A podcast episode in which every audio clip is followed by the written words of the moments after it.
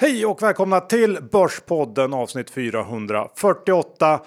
Vi ska börja med vår huvudsponsor som ju är Skilling, den svenskägda multi-asset tradingplattformen som fokuserat på säkerhet, snabbhet och enkelhet. Den här veckan ska vi snacka copy trading. Ja, det är ett väldigt intressant eh, sätt att eh, trada på som Skilling erbjuder. Att man via copy trader då får följa andra, eh, kanske mer erfarna traders och eh, hur de tradar. Ja, så är det. Det finns tusentals olika strategier att välja mellan och man kan gå in då och titta på hur den här strategin i fråga har levererat historiskt och sen välja den strategi som man själv tycker ser mest intressant ut. Och omvänt, om man själv är en erfaren trader som har under lång period utvecklat strategier som funkar, ja, varför inte lägga in dem i Skillings Copy Trader och själv tjäna lite pengar på andra som tar rygg på dina strategier. Ja, det kan verkligen vara värt att kika närmare på om man är erfaren och har ett bra track record. Och Skilling erbjuder copytrading via C-Trader som är ett prisbelönt webbaserat system som integrerats med Skillings plattform. Och där har du då tusentals strategier att välja mellan och eh, ja, man kan enkelt managera sin risk också genom stopplosser och dylikt. Ja, mycket bra sagt Johan. Det där är något man ska titta närmare på. Men kom ihåg, 89% av retailkunder förlorar pengarna från man CFD så besök skilling.com för en fullständig ansvarsfri skrivning. Och med det John, så säger vi stort tack till Skilling. Ny vecka John, nytt avsnitt av Börspodden och vad kommer vi prata om idag? Ja, vi kommer prata om nya möjligheter. Vi kommer prata råvaruboomen. Det kommer vara eh, lite titt på fulaffärer. Det kommer vara analytikermassage som kommer bäsas. Ja, det är mycket ilska i lilla John Skogman idag, men också mycket glädje. Ja, som det ska vara helt enkelt. Men innan vi kör igång så är vi denna vecka sponsrade av Cameo, Skandinaviens största investeringsplattform för fastighetslån. Och via Cameo så kan du låna ut pengar till fastighetsutvecklare och sen få ränta varje månad helt utan avgifter som bara tickar på. Och det här gillar vi om. Ja, vi har investerat i ett eh, projekt i Ronneby och eh, tittar man på deras hemsida som jag gör just nu så har de ju flera olika eh, projekt som man kan investera i. Och det är så, de fylls ju på väldigt, väldigt fort. Det här har blivit populärt så att jag tycker också att du ska välja att ha lite pengar utanför börsen och ta en titt på Cameo. Eh, du kommer inte bli besviken. Ja, det är som du sa ett bra sätt att sprida riskerna och det är faktiskt så att Cameos 30 000 investerare har lånat ut närmare 2,5 miljard kronor till fastighetsutvecklare sedan starten 2016. Och eh, för alla lån på Cameos plattform så finns någon form av säkerhet, exempelvis i pant. Och man väljer ju själv då såklart vilka projekt och vilken risknivå man vill investera i. I snitt ska vi säga har Cameos investerare fått nästan 9 i årsränta på sina investeringar. Men historisk avkastning är aldrig någon garanti för framtida avkastning och det är inte säkert att du får tillbaka hela investerade kapitalet. Om ni tycker att det låter intressant surfa då direkt in på Cameos hemsida cameo.se. Cameo med ett K. Vi säger stort tack till Cameo. Och John, vi ska innan vi kör igång också fortsätta med jobbannonssuccén och den här veckan så är det ju ingen annan än vår kompis Peter Benson på Affärsvärlden som behöver hjälp. Ja, det är snarare din kompis Johan. Ja, men vi är, kom vi är kompisar. Ja, kan jag säga. Ja. Och med hela gänget där. Det är ju ett jävla härligt gäng på Oj. Affärsvärlden. Oj, nu tog du i. Nej, men det är extremt härligt att eh, kunna få ett sånt här toppjobb på en av Sveriges största affärstidningar. Eh, skriva om aktier, jobba med Peter Benson. Man har ju i princip en garanterat spikrak eh, karriär om man får det jobbet och jobbar med Peter Benson. Så är det och eh, till arbetsuppgifterna hör att då såklart analysera börsbolag och också granska emissionserbjudanden inom ramen för IPO-guiden. Och Benson och gänget söker någon som har då såklart ett stort intresse för börs, någon slags relevant erfarenhet av aktieanalys och eh, allt det där andra som krävs för en analytikerroll. Gå in och läs mer om det här på Affärsvärlden. Vi kommer att lägga ut eh, annonsen på vårt Instagram och också en länk till den. Eh, sista ansökningsdag är 14 april och eh, ja, om man är intresserad av börs och analys så är det här definitivt ett jobb man ska titta på. Johan Dr. Bass Isaksson index är i 2180 och det har varit ganska positivt det sista veckan får man säga. Du är lite brud med efter att ha varit i Marbella och spelat golf. Så är det, mer om det sen. Men om vi ska börja med index så är det som du säger, vi har haft en väldigt stark period bakom oss. Eh, Och det är faktiskt så att vi har hämtat hem ungefär halva det här raset. Eh, vi hade sedan årsskiftet storbolagsindex ner runt 10% på året och jag tycker att risk reward nu känns betydligt sämre än för bara några veckor sedan. Eh, har tagit av en del sådana här dipp köpa bets jag haft på för att jag tror ändå att det kan bli lite skakigt igen och att det eh, ja, kan vara bra att ha lite torrt krut vid sidan om just nu. Ja, men det håller jag helt eh, med om och eh, det händer ju oväntade grejer hela tiden, så torrt krut ska man aldrig underskatta. Nej, men, men jag har kikat lite grann på. Jag brukar prata om flöden, att det är viktigt och eh, när man pratar med förvaltare nu om starten på året så jag i alla fall gillar att fråga om de har haft stora utflöden och alla säger ju alltid att det har varit stökigt, men de ändå har klarat sig bra och inte haft så stora uttag. Men här undrar jag om de inte ljuger lite grann. För nyligen så släppte fondbolagens förening sin månadsstatistik för februari och de svenska spararna har våldsålt aktiefonder under inledningen av 2022. I februari så noterades ett nettouttag på 19,2 miljarder från aktiefonder och räknar vi in januari också så ligger nettouttagen på hela 32,9 miljarder kronor så här långt i år. Och det kanske inte säger så mycket, men för att sätta det i ett sammanhang så slogs eh, alla rekord egentligen när det gäller nysparande förra året. Då petade svenskarna in nästan 91 miljarder netto i aktiefonder. Men om man tittar på snittet under de fem senaste åren innan det så låg vi på knappt 40 miljarder i nettoinflöden per år. Och ställer man det i relation till de här 32,9 miljarder som tagits ut bara i år så här långt så blir det enklare att förstå kursreaktionerna i en del bolag eh, både förra året och i år. För när det flödar in pengar i fonderna då köper de mer eh, av det de redan har och värderingarna i de bolag som är favoriter. De trycks upp till eh, i många fall ohållbara nivåer och på samma sätt blir då kursnedgångarna brutala när alla ska ut ur de här bolagen samtidigt. Så att jag, eh, här har vi någon slags förklaring till eh, delar av det som hänt i år. Ja, jag tycker det är en av de viktigaste siffrorna du tagit upp i podden Johan. Det här talar ju för kanske en eh, framtida stark börs. Och framförallt tycker jag att man ska hålla ett öga på de mindre bolagen där det kan ha varit sånt här överhäng och eh, det inte gått lika mycket volym och därför har de aktierna pressats ner eh, ännu mer. Så att jag har köpt ett gäng småbolagsaktier som jag inte har sålt ut trots börsuppgången för jag tror de har mer att ge. Mm, ja, men så kan det absolut vara. Vi går över till svensk sjukvård, John. Ja, jag fick ju en eh, tennisboll i ögat eh, förra söndagen och har fått eh, spendera en hel del tid i Sveriges sjukvård. Tog jag det som en man, Johan? Nej. Eh, gjorde jag inte det? tycker, tycker du? Du föll ihop? och skrek som ett litet barn. Som Neymar ungefär såg det ut som. Ja, det var inte krispigt kan jag säga. Ett av mina barn frågade på kvällen när jag låg och kved att pappa, hade en vanlig människa klarat av det här? Eh, så jag tror det var ett hån faktiskt. Eh, men så här, eh, det är ju, och man får lägga till att det inte är så bra för en sniper att bli blind. Nej, det är inget bra. Nej, det är väl, verkligen inget bra. Det är nästan det sämsta.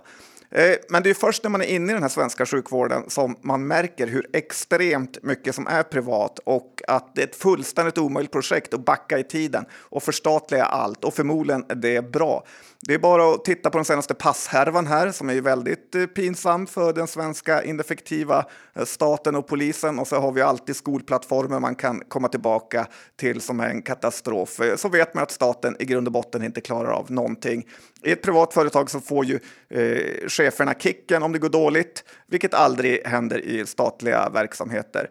Sen en sak som är svår att förstå mot att man privatiserar sjukvården är ju att alla maskiner är ju från privata företag. Siemens, Elekta, Getinge, Varian och så vidare. Eh, ska staten göra maskinerna också tänker man? Eh, för annars gör ju privata företag vinst på dem. Lokalerna är ju byggda av privata företag. Core eller något liknande sköter städningen av fastigheten och byter lampor. Eh, och sen ägs eh, fastigheten slutligen av typ SBB. Eh, så att det här med att förstatliga gäller ju bara då personalen eller eh, typ ett dåligt fungerande statligt sjukvårdspolia är det det man är ute efter? Det är så otroligt svårt att förstå vänstersidans argument och eh, det är nog mest för att de inte är insatta skulle jag säga. Så jag höjer faktiskt alla välfärdsbolag till köprek och att den här politiska risken egentligen inte finns utan det är mest bara tomma hot. Ja, jag köper det eh, faktiskt rakt av John. Eh, håller med dig där. Som du sa i början, jag har varit i Spanien eh, i veckan, spelat lite golf. Eh, trots alla domedagsrubriker vi matas med i MSM så är ju krisen här hemma långt borta. Eh, planen eh, på SAS mest lönsamma sträcka, alltså Arlanda-Malaga, var överfulla. Och nere i Spanien så verkar det som att Sverige i princip kört igång någon typ av undercover operation för att annektera Andalusien. Det är på riktigt fler svenskar än spanjorer där nere. Men det jag på något sätt vill komma till är att nedsidan nu, om saker och ting utvecklar sig åt fel håll i världen, den är brutal. Vi har sedan finanskrisen haft de här fruktansvärt låga räntorna. Vi har haft stigande börser med undantag för några korta tidsperioder och det har förändrat samhället. Så om det visar sig att den här perioden går mot sitt slut så kommer det orsaka så fruktansvärt mycket smärta för att det finns ju liksom inte en en liten gnutta kris någonstans känns det som. Du bäsar ditt eh, lägenhetsinnehav i Marbella eller? Alltså om, det är ju inte säkert att det händer då, men, men uh... och sen är det väl förmodligen också så att Spanien kommer införa språkkrav på svenska snart i Marbella-området eh, för att man ska få vara där. Det blir tufft. Orderdjup. Ja, det är en grej ni kanske märkt eh, där ute, ni som är eh, väldigt intresserade av aktier, att eh, numera går det inte att köpa aktierna som finns i orderboken för att robotarna hinner ta bort dem, trots att du lagt in ett högre pris för att få aktierna som inte bara står först i orderboken.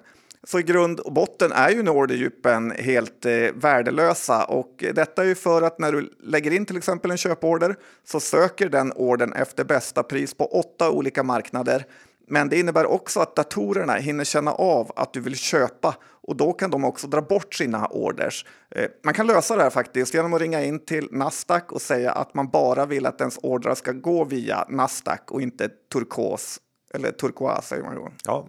Något av det. Ni får välja själva. Nej, men då kan man ringa in och säga att man bara vill att ens ordrar ska gå via Nasdaq och, och då händer inte det här. Men å andra sidan så kan du aldrig bli middad, alltså få ett bättre pris än eh, vad som står på skärmen och du får heller inte tillgång då till alla andra marknader. Jag har inte stängt av de andra marknaderna själv, men jag stör mig ändå något fruktansvärt på att det är okej okay för datorerna att dra bort sina ordrar eh, när det är totalt förbjudet för privatpersoner att göra så. För då kallas det layering och är ett aktiebrott. Ja, det, det är så, så svårt att greppa att ja, man blir arg bara man uh, tänker på det. Men uh, på tal om det så man blir typ arg även om man inte tänker på det. Ja, det blir man också. Uh, veckans zero fucks given. Du tänker på fasadgruppen eller? Ja, det gör jag. Mm, det är verkligen zero fucks given här.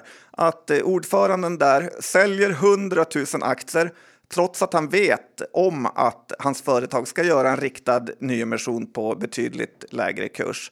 Eh, det har ju tjatats om det här en hel del i media, eh, men kommer man undan med det här så kan jag tycka att det är dags att bara skrota EBM och Finansinspektionen rakt av. De har ju redan låtit Oscar Properties-gänget med ordföranden där sko sig rejält med sina köp inför stora förvärv av fastigheter eh, som fick aktien att rusa och det känns ju helt orimligt att jaga småsparare för ingenting medan man återigen låter storfinansen sko sig utan den minsta åtgärd. Lockupen i EQT, ja, Oscar Properties, Fasadgruppen. EBM måste ju lära sig att 90 procent av alla aktiebrott som är värda att göra något åt begås inifrån bolaget och inte av Åker 72 som har köpt Aurant Mining 6 för högt. Den här raiden på ICA som eh, vi läste i tidningen om idag var ju ändå eh, dock lite glädjande och eh, det här är väl ett av de mest uppenbara insiderbrotten inom finansbranschen sista tiden. Så klarar man inte av att ta någon där så är det ju ännu ett argument bara för att lägga ner eh, EBM. Om man ändå ska liksom ge något cred till fasadgruppens ordförande så är det ju sjukheten att erkänna i DI att man visste om att det var en eh, eh, riktad emission planerad. Så att verkligen zero fucks given. Ja, man har sett hur det funkar och bara eh, utgått från från det helt enkelt. Ja. ja. Och vi fortsätter med, med härvor, eller måste jag säga. Ericssons härva, den rullar på. Och framförallt så fortsätter bolaget och ledningen vara alldeles för vaga och svepande i sättet man kommunicerar med marknaden. I måndags lämnades ju någon slags uttalande av styrelsen inför årsstämman, men det gjorde inte någon ett dugg klokare. Eh, det enda som framkom egentligen var väl att de har fortsatt förtroende för Sveriges osynligaste ledare Börje Ekholm. Eh, men i övrigt var det inte mycket. Och sen igår körde man ju någon slags eh, krismöte med storägarna. Men det var samma visa då. Eh, de frågor som alla vill ha svar på, de kan man eller vill man inte svara på. Sen har ju Börje också fått kritik sista tiden för de här sidouppdragen och all tid han lägger på det. Och som, som en konsekvens av det har han ju fått lämna Alibabas styrelse här i dagarna. Och jag tycker att det här med att man som topp topp vd har tid för massa sidouppdrag, styrelseuppdrag och så vidare utöver sitt vd-jobb. Det är för mig väldigt, väldigt svårt att förstå. Själv har jag problem att ratta Börspodden, men eh, Börje då kan sitta i massa styrelser och, och, samtidigt vara vd för Ericsson. Och han sa ju eh, själv i en intervju i DI att han eh, jag har beslutat att lämna styrelsen för att ägna mer tid åt Ericssons verksamhet. Det tycker jag det är ett ganska sjukt uttalande för det de facto innebär ju att han tidigare tagit då vd-jobbstid och lagt det på det här styrelseuppdraget. Det blir konstigt att betala ut monsterlöner till vd som inte lägger allt sitt fokus på bolaget man är vd för. Det är väl det man betalar de här lönerna för helt enkelt kan jag tycka. Ja, men Börje är ju så nedfolkad nu att eh, man måste ju kicka honom. Men Ericssons styrelse känns ju ännu sämre. Lite besviken är man väl ändå på Ronny Sleten, eh, att han inte gör något mer. Han har ju ändå levererat i Atlas. Eh, lite tuffare nyper än så här trodde man att han hade. Vi är denna vecka sponsrade av Klients kapitalförvaltning och nu är det väl många av våra lyssnare som börjar bli bekanta med kliens, inte minst då efter förra veckans intervju med förvaltarna Karl och Roger. Eh, men jag tänker John att vi ska ta tillfället i akt och berätta lite om strategin i Klients småbolagsfond. För hur gör man egentligen för att överträffa index fem år i rad? Ja, men då kan man dela upp det i tre delar som är deras strategi. Det första är att man investerar i riktiga småbolag. Eh, man letar inte de här bolagen som många andra småbolagsfonder kallar småbolag som i grund och botten nästan är stora bolag, utan Klients letar upp de riktiga småbolagen. Och sen låter man hela portföljen göra jobbet. Eh, många fonder har ju upp till 10 procent av fondens totala värde i ett enskilt bolag. Så jobbar inte Clients, utan där ligger man mellan 3 till 5 procent i eh, bolagen så att varje bolag kan göra jobbet i portföljen. Och så undviker man förhoppningsbolag för att inte köra bort sig. Man väljer bolag med vinst och eh, ja, det har man gjort väldigt bra får man ändå säga. Och de här bolagen har inte alls samma risk som eh, förhoppningsbolag. Ja, och vill ni veta mer om Klients småbolag så besöker ni småbolag.klients.se eller prenumerera på Klients nyhetsbrev på klients.se. Men kom ihåg, historisk avkastning är en garanti för framtida avkastning. Pengar som placeras i fonder kan både öka och minska i värde och det är inte säkert att få tillbaka hela insatta kapitalet. Och med det säger vi stort tack till Klients kapitalförvaltning. Vi är denna vecka sponsrade av Lunar och som jag tror att de flesta nu vet så har Lendify genomfört en rebranding till Lunar och Peer-to-peer sparandet finns nu under varumärket Lunar. Och John, vi har ju länge sparat pengar. Via vårt bolag hos Landify som då numera är Lunar. Ja, det är en ganska rejäl slant vi har där faktiskt. Och det är härligt att se dem växa och jag gillar det här med att man blir sin egen bank, att man lånar ut pengar till folk som behöver låna och eh, på så sätt tjäna pengar istället för att banken tjänar pengar. Och dessutom så är det ju skönt att ha pengar på ett annat ställe än börsen. Ja, det har ju varit skakigt under inledningen av året och då känns det ganska bra att se pengarna växa helt oberoende av aktiekurser som går kors och tvärs. Eh, utan det tickar på ränta och amorteringar varje månad. Och de har också andrahandsmarknaden som vi uppskattar. Där kan man eh, köpa in och sälja lån om man behöver det. Så gå till lunar.app och skapa ett konto redan idag ni är med för att komma igång och lära sig mer. Lunar.app alltså. Och med det så säger vi ett stort tack till Lunar. Vi är denna vecka sponsrade av Kaval som är din lokala matbutik som levererar matvaror hem till din dörr på bara 10 minuter. Och eh, de här matvarorna levereras ut med hjälp av Kavals anställda riders som åker runt på elcyklar och då levererar från Kavals egna så kallade dark stores som finns runt om i närområdet. Och det här stämmer ju verkligen. Det är matvaror till dörren inom 10 minuter. Vi har testat och det funkar verkligen. Ja, det är ju verkligen ett lifehack, Johan. I fredags hade jag varit lite sloppy och inte hunnit handla till familjen så jag visste att jag väntar lite själv på mig där hemma. Men då kunde jag använda Kaval här till att plocka hem ett helt gäng varor och på så sätt på tio minuter få hem de här produkterna till eh, i princip samma pris som det är när man handlar i affären. Det är verkligen otroligt. Ja, och Kaval har ett stort sortiment och samma priser som i din vanliga matbutik och de har öppet alla dagar mellan 07 och 23 och idag så levererar Kaval i Stockholm, Göteborg och Malmös innerstad. Men de växer snabbt och utökar antalet butiker löpande. Nu är det så att vi har ett litet erbjudande till alla Börspodden lyssnare. Först får man ju då såklart ladda ner appen, Kaval appen och sen använder man koden Börspodden 50 för att få 50 kronor i rabatt på dina fyra första köp när du handlar för över 200 kronor. Så alltså koden Börspodden 50 och det här gäller till den 9 april. Och vi säger stort tack till Kaval! John, jag var inne i början här eh, på att index har studsat upp kraftigt. Det känns som att det är sämre risk-reward, men det finns ju bolag som fortfarande inte har fått den här efterlängtade studsen och ett av dem som jag tittat lite närmare på är H&M som haft en tuff start på året. Aktien är ner 20% alltså dubbla index och om en dryg vecka så kommer Q1. Eh, de har levererat sina försäljningssiffror. Eh, har de inte brutit räkenskapsår? H&M? Jo, men deras Q1 är, kommer nu och den är bruten. Ja, jag förstår. Mm. December är med. Ja, exakt. Mm. Mm. De levererar i alla fall sina försäljningssiffror här i mitten på mars. De landar på 18% tillväxt. Det var väl snäppet snäppet under förväntningarna men ingen dramatik alls. Däremot så har vinstestimaten har jag sett för både innevarande och kommande år kommit ner runt 10% de sista veckorna här och det beror då främst på de här butiksstängningarna i Ryssland eh, och delvis Ukraina kanske, men också dollarstyrkan vi sett här på slutet.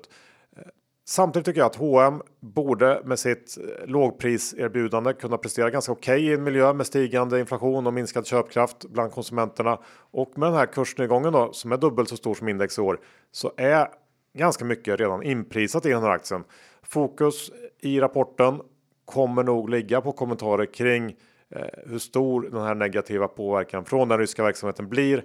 Men jag är lite inne på att marknaden kanske lägger för stor vikt vid det här Eh, aktien handlas runt 10-11 gånger ebit nu, ger 5% i direktavkastning och sen så har vi ju de här återköpen som eh, drar igång efter stämman i maj och med det där i ryggen så tycker jag att H&M skulle kunna vara ett intressant köp här ändå. Ja, men jag håller med. Jag äger lite H&M eh, groteskt back på dem får väl säga. Tyckte ju att förra rapporten var jättefin och efter det har det varit fullständigt eh, haveri. Eh, H&M är ett bolag som kommer finnas kvar imorgon också oavsett vad som händer i världen. Så att ja, long term play på de här nivåerna borde inte vara helt fel, även om det har varit eh, långsiktigt nästan alltid kast att köpa H. Ja, och senaste en, tio åren. En till grej med, med att köpa storbolag som H&M är ju också att det finns likviditet så att man om man ändrar sig eller om man snabbt behöver eh, sälja så, så, finns det alltid likviditet och det ska man inte heller underskatta i en sån här marknad där det snabbt kan eh, liksom svänga. Nej, men det kommer inte vara några raider på H&M's huvudkontor för insideraffärer i alla fall. Nej, tror jag inte i alla fall. Om de inte menar för sälj. Nej. Um, det var någonting som man kan titta på eh, för att köpa, men någonting man ska titta på för att akta sig. Då. Du har en småbolagsduo som du tycker Eh, inte ser bra ut. Ja, men jag är lite orolig för att småspararna jagar sig in i en småbolagsstuga som varit ratad på börsen länge men nu är lite heta. Och det är Profilgruppen och eh, B-Group. Eh, de upplever ju nu sina bästa rallyn på evigheter och eh, jag antar att det är för att man spekulerar att deras lagervinster kommer att vara enorma här närmsta kvartalen. Eh, men också att det har blivit lite utbudsproblem från utlandet som också gör att de kan höja priserna lite extra på sina varor.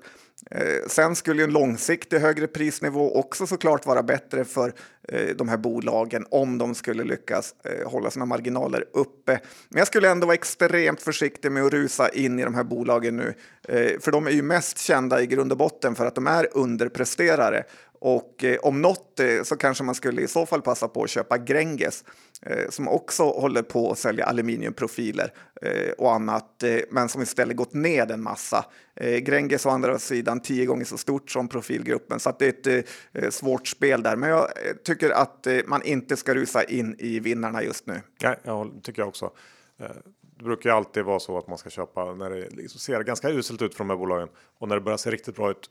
Då eh, brukar det vara för sent helt enkelt. Ja, för vad, frågan är vad p-talen ska vara på lagervinster. Det ska vara typ 1. Det ska vara. Jag är lite sugen på att eh, prata om Arjo som har betett sig illa. Får vi säga. Det har de gjort. De har svikit aktiespararna, de har svikit mig och eh, även farit lite med osanning. Va? Ja, Eh, ska vi dra bakgrunden här? Och Arjo rasade ju nästan 7,5 procent igår utan några nyheter. Och samtidigt så ryktades det om att bolaget var ute och masserat analytiker. Ja, prata ner resultatet för att analytikerna då ska ligga mer rätt i sina prognoser. Och hur media kan missa det här är ju ett skämt. Och igår Johan var det den 22 mars. Arjos rapport kommer den 22, 22 april. Which means att de har gått in i en tyst period nu och eh, att sista dagen att prata var då igår. Eh, jag måste säga att jag äcklas över hur de håller på de här bolagen. Eh, det företagsledningen inte verkar fatta är ju att analytikern såklart direkt berättar det här för sina mäklare och kunder och att det får aktiekursen på fall. Det är liksom inte stängda dörrar mellan vdn på börsbolaget och analytikerns Excel-ark utan så fort det justeras ned så säljs aktien av. Eh, samt att det är definitivt insiderinfo att ge vissa personer mer info än andra. Jag pratade med Arjos IR-chef igår och hon bekräftade att vdn varit ute och pratat med analytiker dagen innan. Eh, såklart eh, framkom det ju ingen ny info eh, som inte var känd sedan tidigare, som det alltid heter, eh, vilket är ju lite skarv. För, men aktien gick ju ändå ner 8 procent, eh, så att något eh, sades ju. Eh, och idag har det ju visat sig hur Pareto i det närmaste har fått exakta siffror på hur ökade kostnader Arjo kommer ha framöver. Så att det är väldigt eh, pinsamt allt det här. Eh, och eftersom alla samtal spelas in på banker, ofta även mobiltelefon, så skulle man ju vilja att allmänheten fick höra de här analytikersnacken Eh, som kan sänka aktier 8% på en dag, men att de aldrig innehåller ny info. Eh, jag blir i alla fall extremt irriterad över hur det här kan fortsätta år ut och år in. Och det är nästan så att det blir värre till och med. Ja, eh, absolut. Som du sa i den här ABG-analysen. Eh, jag ser ju att de, de har ju skrivit att eh, nu så uppskattar man kostnaderna för ja, stigande ehm, materialpriser och leveranser och så vidare till 105 till 110 miljoner mot tidigare bedömningen 65 till 70 miljoner. Det, det är ju väldigt eh, tydliga en tydlig guidning man fått där och det här är inte massage. Det är ju snarare någon slags bordellbesök som som har pågått här och hur man från bolagshåll kan känna att det här är nog rimligt. Vi berättar för en handfull personer mer eller mindre i detalj hur det går så att de kan agera på den personen. Jag, jag förstår inte det. Vi har ju klagat på det här i princip sedan podden föddes, men att eh, FI och andra berörda parter inte bryr sig överhuvudtaget. Det förstår inte jag. Eh, det är, eh, det är ofattbart. Ja, det är så att man blir fruktansvärt irriterad. Däremot skulle jag säga att den här justeringen som kom tycker jag nästan så att kursreaktionen var överdriven jämfört med hur stor justeringen var. Så jag har köpt lite aktier på det här och är men själva fenomenet är jag ofattbart irriterad över. Ja, det är möjligt att det var överdrivet, men det är principen John. Ja, verkligen. Ja. Varför ska de få tjäna 8% Och flat, den ofattbara flatheten hos myndigheterna. Den, den, de är så flata och svaga att man jag vet inte. Ja, men det är därför ingen respekterar dem. Ring fasadgruppens ordförande så kan han eh, förklara lite hur lite han respekterar dem. Ja, det hade inte riktigt sett ut som BP-partiet hade suttit vid makten kan jag säga. Nej, lock em up hade det varit då. Mm. Bra, då fick vi ut ur oss det. Mycket ilska. Mycket, mycket. Sparka uh, uppåt som de säger. Vi tar något lite mer eh, low key. Och då tänker jag på spreadläge i bankerna. Det är ju ingenting som får blodet att rusa direkt. Nej, där behövs det kanske lite mer upphetsande grej. Men det här är ändå hyfsat upphetsande för den börsintresserade och eh, framförallt pengaintresserade. Att det är ett intressant spreadläge nu inför utdelningarna. främst i bankerna som man antingen kan ta tillvara på om man äger det dyrare aktieslaget och bara byta aktieslag eller alternativt om man är lite mer spekulativ så att man blankar den dyrare aktien och eh, köper den billigare. Eh, lyssna nu Johan, i Handelsbanken eh, är B-aktien nu hela 15 kronor dyrare än A-aktien. Där B-aktien kostar 110 och A-aktien 95. I SEB är det liknande då SEBC kostar 130 kronor och SEB A 112. Eh, hur har det då blivit sådana här extrema spreadar när aktierna i grund och botten eh, nästan borde vara värderade likadant eh, kan man fråga sig. Röstskillnader säger någon, men i Handelsbankens fall ger den dyrare B-aktien bara en tiondels röst jämfört med A-aktien. Eh, så att det kan det inte vara. Det mina källor säger är att det ligger stora köpare i marknaden som eh, köper alla aktier och då storköper de i båda aktieslagen. Eh, och det har ju drivit upp den aktien som är mindre likvid och det finns mindre eh, antal av. I Handelsbankens fall så finns det 35 miljoner B-aktier med nästan 2 miljarder A-aktier. Så för den som är lite uthållig Eh, så är det nog nästan garanterat en bra affär. Eh, för så fort de här storköpen slutar så kommer nog spreaden att gå ihop. Eh, det finns ingen anledning till att den inte ska göra det, så kan man ju säga. Grejen är också att det inte heller är någon brist på lån i de här aktierna och lånen är dessutom rätt så billiga. Sen finns ju möjligheten att det alltid kan bli värre. Eh, men då får man ju istället ha utrymme så att man kan öka den här eh, positionen istället. Och, eh, för den är nästan för bra för att vara sann. Min tilläggsgissning här är ju att investerare också bundit upp aktierna inför bolagsstämman och därför inte heller kan byta aktier i samma utsträckning som man annars hade velat. Men eh, jag tycker man ska ta en koll på det här. Eh, för att eh, bolagsstämmorna är i dagarna, så det kan vara en trigger för att det här ska gå tillbaka till det normala. Eh, det här gäller för övrigt i många andra bolag med eh, som har olika aktieslag. Men jag tog just SEB och Handelsbanken för de har utdelningen i närtid och bolagsstämman. Ja, eh, lite klurig spaning för den som vill ge sig in i spread-gamet.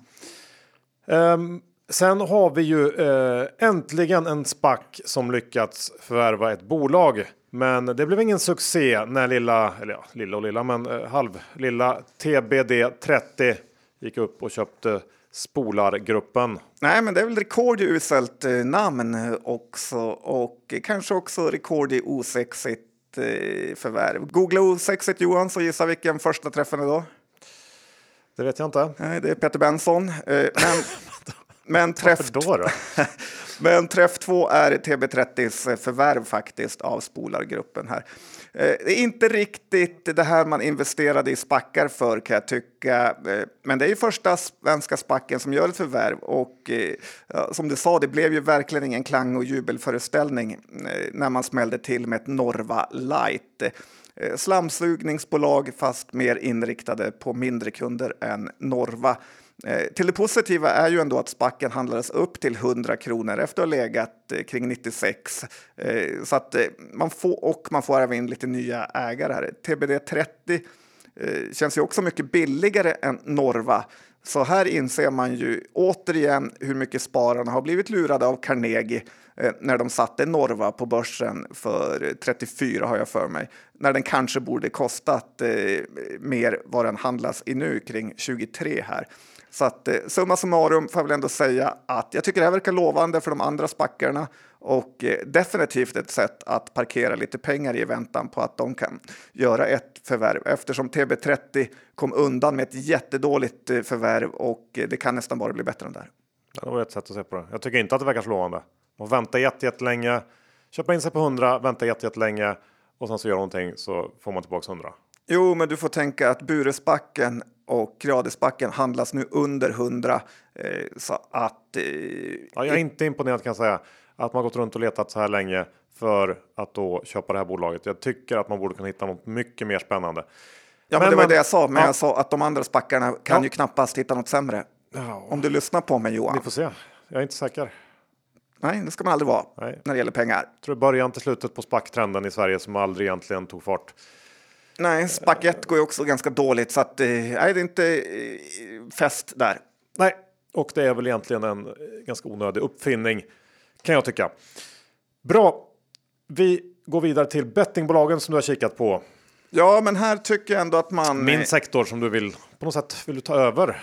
Ja, men eftersom du har liksom kommenterat eh, försvarssektorn under lång period så är det inte mer än rätt att jag gör ett instick här. Eh, nu när jag är en blind sniper så kanske du faktiskt kan ta över den å andra sidan. Nej, men så här, bettingbolagen skulle kunna vara stora vinnare på den här eh, nuvarande Rysslandshatet eh, som vi ser. Mm, nästan hälften av ett spelbolags kostnader går ju till marknadsföring och jag gissar att priserna på att sponsra fotboll och sport i Europa har gått ner ordentligt sista tiden då många klubbar tvingats avbryta sina samarbeten med ryska bolag, typ Gazprom och Euroflot. Eh, de är stora reklamköpare. Jag har sett Unibet-reklam på nästan varenda arena i England och eh, jag är faktiskt imponerad över vilken jätte Unibet är inom sportsbetting i Europa nu. Eh, jag tror också många klubbar är lite mer försiktiga med att teckna avtal med kinesiska eller bolag från andra lite mer svajiga länder och då kanske man nöjer sig med lite mindre betalt från en stabil svensk eh, spelbolagsaktör. Eh, det här kanske inte är något som kommer i utslag direkt, men på lång sikt tror jag att det här är väldigt bra för de svenska eh, spelbolagen som verkar sköta sig ganska så bra. Ja, det tror jag. Betting och krypto kanske som också får möjlighet att köpa in sig ännu mer. John Loomis hör till den lilla skalan aktier som gått upp i år. Aktien upp ungefär 10 och eh, Q4 var ju stark. Loomis gynnas också av den starka dollarn och dessutom så gissar jag att kriget i alla fall på marginalen kan driva folk mot något slags ökat användande av kontanter. Och det här är också en av få aktier som fortfarande har en ganska bra bit kvar upp till sina eh, pre-pandeminivåer och eh, det är möjligt att den här aktien kan fortsätta att gå okej okej i alla fall i det här semi-prepper klimatet vi har nu. Men den lite längre trenden är ju svår att bortse ifrån. Kontantanvändningen går sakta men säkert ner eh, och sen har vi också stigande löner och annan kostnadsinflation som jag tror kan bli ganska tuff att kompensera för för Loomis. Så för att äga den här aktien eh, på lite sikt så tror jag att det krävs att man tror på det här Loomis Pay och det senaste ryktet John som har nått Börspodden källan är ju att Pay-projektet utvecklats till ett haveri av Guds nåde. Ja, och det kan man ju verkligen förstå med. Det var väl egentligen inte jättemånga utanför Loomis som trodde på det här med tanke på vilka konkurrenter de har inom det området. Nej, det vi hör är att kostnaderna skenar och man har helt enkelt inte kompetensen för att slåss mot techjättarna inom det här området. Idag har ju Loomis en kapitalmarknadsdag och vad jag eh, såg här på morgonen så håller man envist fast vid sina ambitiösa mål för pay området. Men det är väldigt, väldigt låga odds på att den planen kommer att spricka och eh, lite, lite varning där för Loomis. Ja, men ganska stor varning tycker jag. Bra att du tog upp det och Loomis gör nog bäst i att fortsätta köra runt i sina eh, truckar. Eh, gör det ni är bäst på. Precis, så gör vi det vi är bäst på. Ja, och det är ganska mycket. Något vi eh, inte är så bra på det är att bygga gruvor. Jag vet inte om B.O. Wolf är bra på det, men eh, det kommer vi att få se. Ja, faktiskt. Bra eh, insvepat där Johan. Men ingen kan ju ha missat eh, den här veckans stora aktiegrej med Beowulf. Eh, eh för att eh, det är ju prospekteringsföretaget som sökt tillstånd för att få starta en gruva i Kallak. Och eh, allt skulle ju avgöras igår om man fick tillstånd eller inte. Eh, men just innan, det har hänt mycket innan, så kom det ju en väldigt, väldigt negativ artikel i Aftonbladet Eh, som sänkte då aktiekursen 30-40 procent eh, som väl i stort sett har visat sig vara helt fel eh, av en journalist eh, som har väl ifrågasatts lite också. Eh, men Bivolfs ordförande Sven-Olof Littorin fick ju fullständigt psykbryt eh, på den här artikeln och han höll det inte inom sig kan man ju säga. Han gick igång på alla cylindrar och man ska komma ihåg att Sven-Olof Littorin lär ju hata Aftonbladet Eh, brutalt sen de förstörde hans karriär när han var minister. Eh, så att han var inte direkt sugen på att det skulle hända igen. Och han sa både det ena och det andra som han i och för sig eh, har bett om ursäkt för lite också. Men Beowulf har ändå stämt Aftonbladet för den här artikeln. Intressant är också att Sven-Olof är inne på Beowulfs Discord-chatt och skriver grejer. Bland annat har han hetsat mot DN och deras dubbelmoral. Eh, det här skulle kunna vara ett fejkkonto, men det känns verkligen inte så. Eh, han säger att han är inne på Discord för att eh, hänga med i diskussionerna och har ju massor med fans där inne. Eh, jag vet inte om det är rätt eller fel, men det är annorlunda i alla fall. Eh, nu fick ju Beowulf eh, tillstånd att gå vidare med gruvprocessen, men hittills har det ju varit en så här klassisk sell the news-grej för nu återstår ju ofattbart mycket jobb. För först och främst så har ju Beowulf egentligen inga pengar så att det kommer ju behövas en fundraising deluxe här.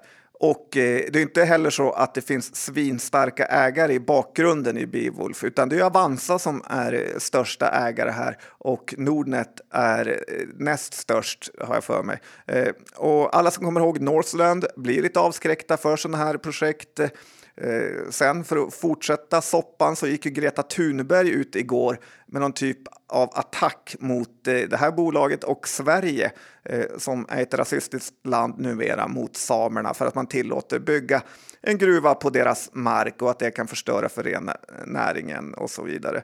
Eh, så man väljer ju inte ett lätt case om man satsar sina pengar här. SVT var ju också extremt negativa igår kväll i något inslag. Lite svårt att förstå allas negativitet då det har ju visat sig att köpa alla naturtillgångar från andra länder har inte varit så bra. Eh, dessutom så måste ju även, eh, om det är goda länder som vi börjar köpa från, så måste ju faktiskt de också bryta upp sin mark eh, på något eh, sätt. Eh, så att eh, jag tycker att alla som eh, gnäller faktiskt får lugna sig lite och tänka steget eh, längre. Eh, men som Charlie Munger brukar säga att man ska välja att spela mot lätt motstånd och det är det ju inte här i det här fallet Johan. Det är en otrolig uppförsbacke innan man kan börja plocka ut pengar ur marken i Kallak. Ja, det är det verkligen och det här är ju av någon outgrundlig anledning alla gubbars våta dröm att investera i den här typen av gruvprojekt case. Jag vet inte vad det är, men det är alltid så. Eh, men jag håller med dig. Det här eh, känns inte som någonting för mig i alla fall. Det var ju många havererade projekt. Dannemora ett annat. Det är inte en lätt business att ge sig in i. Kanske är någon sån här arv av alla som växte upp med Dallas eller någonting, inte vet jag. Någon romantik kring det här med gräva och borra och greja. Ja, känns inte som en millennial dröm i alla fall. Nej, det gör det inte. Eh, sen har vi Traton som är lite av ett mysterium på börsen. Jag vet inte ens varför de är riktigt. De verkar inte vilja. Nej, det är en otroligt dålig notering. Ja, de var i alla fall eh, i veckan här ute och redovisade sitt resultat för Q4. Men framförallt så guidar man för 22 i samband med det här. Och då pratar Traton om eh, det ska vara ökad försäljning och man ska nå en, en rörelsemarginal i intervallet 57 och förra året så eh, lyckades man prestera 5,2% i marginal. Eh, så att det här intervallet 57 låter ju ändå relativt positivt givet allt som pågår i världen. Men då sa bolaget också att lönsamheten kan påverkas av kriget i Ukraina och osäkerhet i leveranskedjan. Och det här lilla tillägget eh, gör ju guidningen ganska meningslös eftersom det är just de här grejerna som man oroar sig för just nu. Eh, men ledningen sa sen också att eh, hittills har det bara varit mindre avbokningar på grund av kriget och när det gäller komponentbrist så eh, fortsätter störningarna visserligen, men man ser en bättre situation från Q2 framåt och det tycker jag på marginalen låter ändå positivt. Och tar vi komponenter från Ukraina specifikt, det har ju pratats om kablage tidigare, så får Emma en, eh, en del grejer därifrån, men inte Scania. Och vad jag eh, har förstått så har till exempel Volvo en liknande setup som Scania. Så att jag tycker att det sammantaget var lite lugnande besked från Traton om man sätter det här i någon slags verkstads eh, i stort. Eh, och Traton fortsätter vara en väldigt lågt värderad aktie, men det kanske ska vara. Ja, det är tragiskt att eh, Scania har hamnat i det här Traton-paraplyt faktiskt. Det var ju så härligt när det var ett svenskt högpresterande bolag. Jag tänkte lite på eh, samma grej här med Volvo Cars Johan, för att eh, de var ute igår och sänkte prognosen faktiskt för antal levererande mm, bilar mm, på, halv, på grund av halvledarbrist. Eh, aktien gick faktiskt upp på det eh, efter en liten tillfällig dipp. Eh, lite så tror jag att man ska tänka för en, framöver att eh, marknaden också tänker att om ett bolag vinstvarnar nu så ska man nog vara ganska snabb med att köpa in sig i det för att eh, som du sa i förra avsnittet så har ju börsen inte direkt missat att det pågår en massa problem eh, utan att det är snarare en ganska stor chans att eh, eh de här kommer nog vara övergående även om det kan ta ett eller två kvartal. Så att eh, lite buy the dip läge skulle det kunna vara i de här större bolagen som faktiskt har resurserna och kunna sourca material från andra platser eller ställa om produktionen och så vidare. Eh, småbolag har inte samma möjlighet, men eh, tycker ändå som du sa att det verkar vara ganska positivt för konjunkturen att man kommer klara det här. Ja, ska vi avsluta med svenskt starkt stål? Det vill man köpa. Eller? Ja, det vill man Johan. Och eh, på den här förnyade råvaruboomen så kan det vara skönt att vi är ett land med stora naturtillgångar, svenskt stål, alltså SSAB eller våra fina gruvor i Kiruna som Boliden äger. Eh, men tyvärr har vi sålt ut de här aktierna till utlandet. Kollar man toppen i ägarlistan i SSAB, alltså svenskt stål, så är det mest amerikanska fondbolag som äger det State Street, Bank of New York Mellon, JP Morgan, Eh, Norges bank och så något finskt bolag är med där också. LKAB är visserligen största ägare, men i stort sett är SSAB ett helt utländskt bolag. Det känns som en klassisk sån här ESG-grej att fonderna och pensionsstiftelserna eh, har sålt SSAB, inte för att det är ett dåligt bolag, eh, utan för att de förbrukar mycket el eller släpper ut mycket koldioxid. Det eh, känns nästan garanterat att det är så. Att AP-fonderna istället är både Eh, med både andra AP-fonden och tredje AP-fonden är bland topp 10 ägarna i vindbolaget Arise. Känns det så patetiskt att man vill grina. Eh, I Boliden ser det ju tyvärr likadant ut då Blackrock och T. Rowe Price är största och näst största ägare. Eh, visst, det är marknadsekonomi, men det är inte rimligt att AP-fondernas och andra stora institutioners jakt på godhet slutar med att eh, man slarvar bort enormt eh, vinstgivande företag. Nej, gör om, gör rätt. Slut på avsnitt 448. Vi ska tacka Skilling, vår huvudsponsor. Och har ni ännu inte öppnat ett konto, se till att göra det direkt. Det är bara att ladda ner appen eller surfa in på hemsidan skilling.com. Men kom ihåg 89 av retailkunder förlorar pengarna sig efter er så besök skilling.com för fullständig ansvarsfri skrivning. Och John, eh, innehav den här veckan. Eh, trots all kritik mot Sveriges osynligaste ledare Börje så äger jag aktier i hans företag Ericsson. Ja, jag med faktiskt. Dito som eh, gubbar brukar säga. Men det är så man ska göra. Man ska ju liksom äga för att påverka åt rätt håll. Det kan man inte göra om man säljer. Nej, och för att man inte säljer när man ligger back heller. Kan grej. också ha någonting med det att göra. Ja. Uh, vad har vi mer då? Ja, jag har Arjo och uh, den. Nej, den finns kanske inte längre i den legendariska. Nej, nej. nej. Uh, H&M har du kanske? Ja, H&M har jag. Ja, inte jag. Kanske köper. Uh, och så bettingbolagen har vi ett gäng av. Ja, det har vi. Bra, det var nog det. Med de orden tackar vi för att ni lyssnat ännu en vecka och så hörs vi nästa onsdag igen, precis som vanligt. Hej då! Ja, det gör vi. Hej då!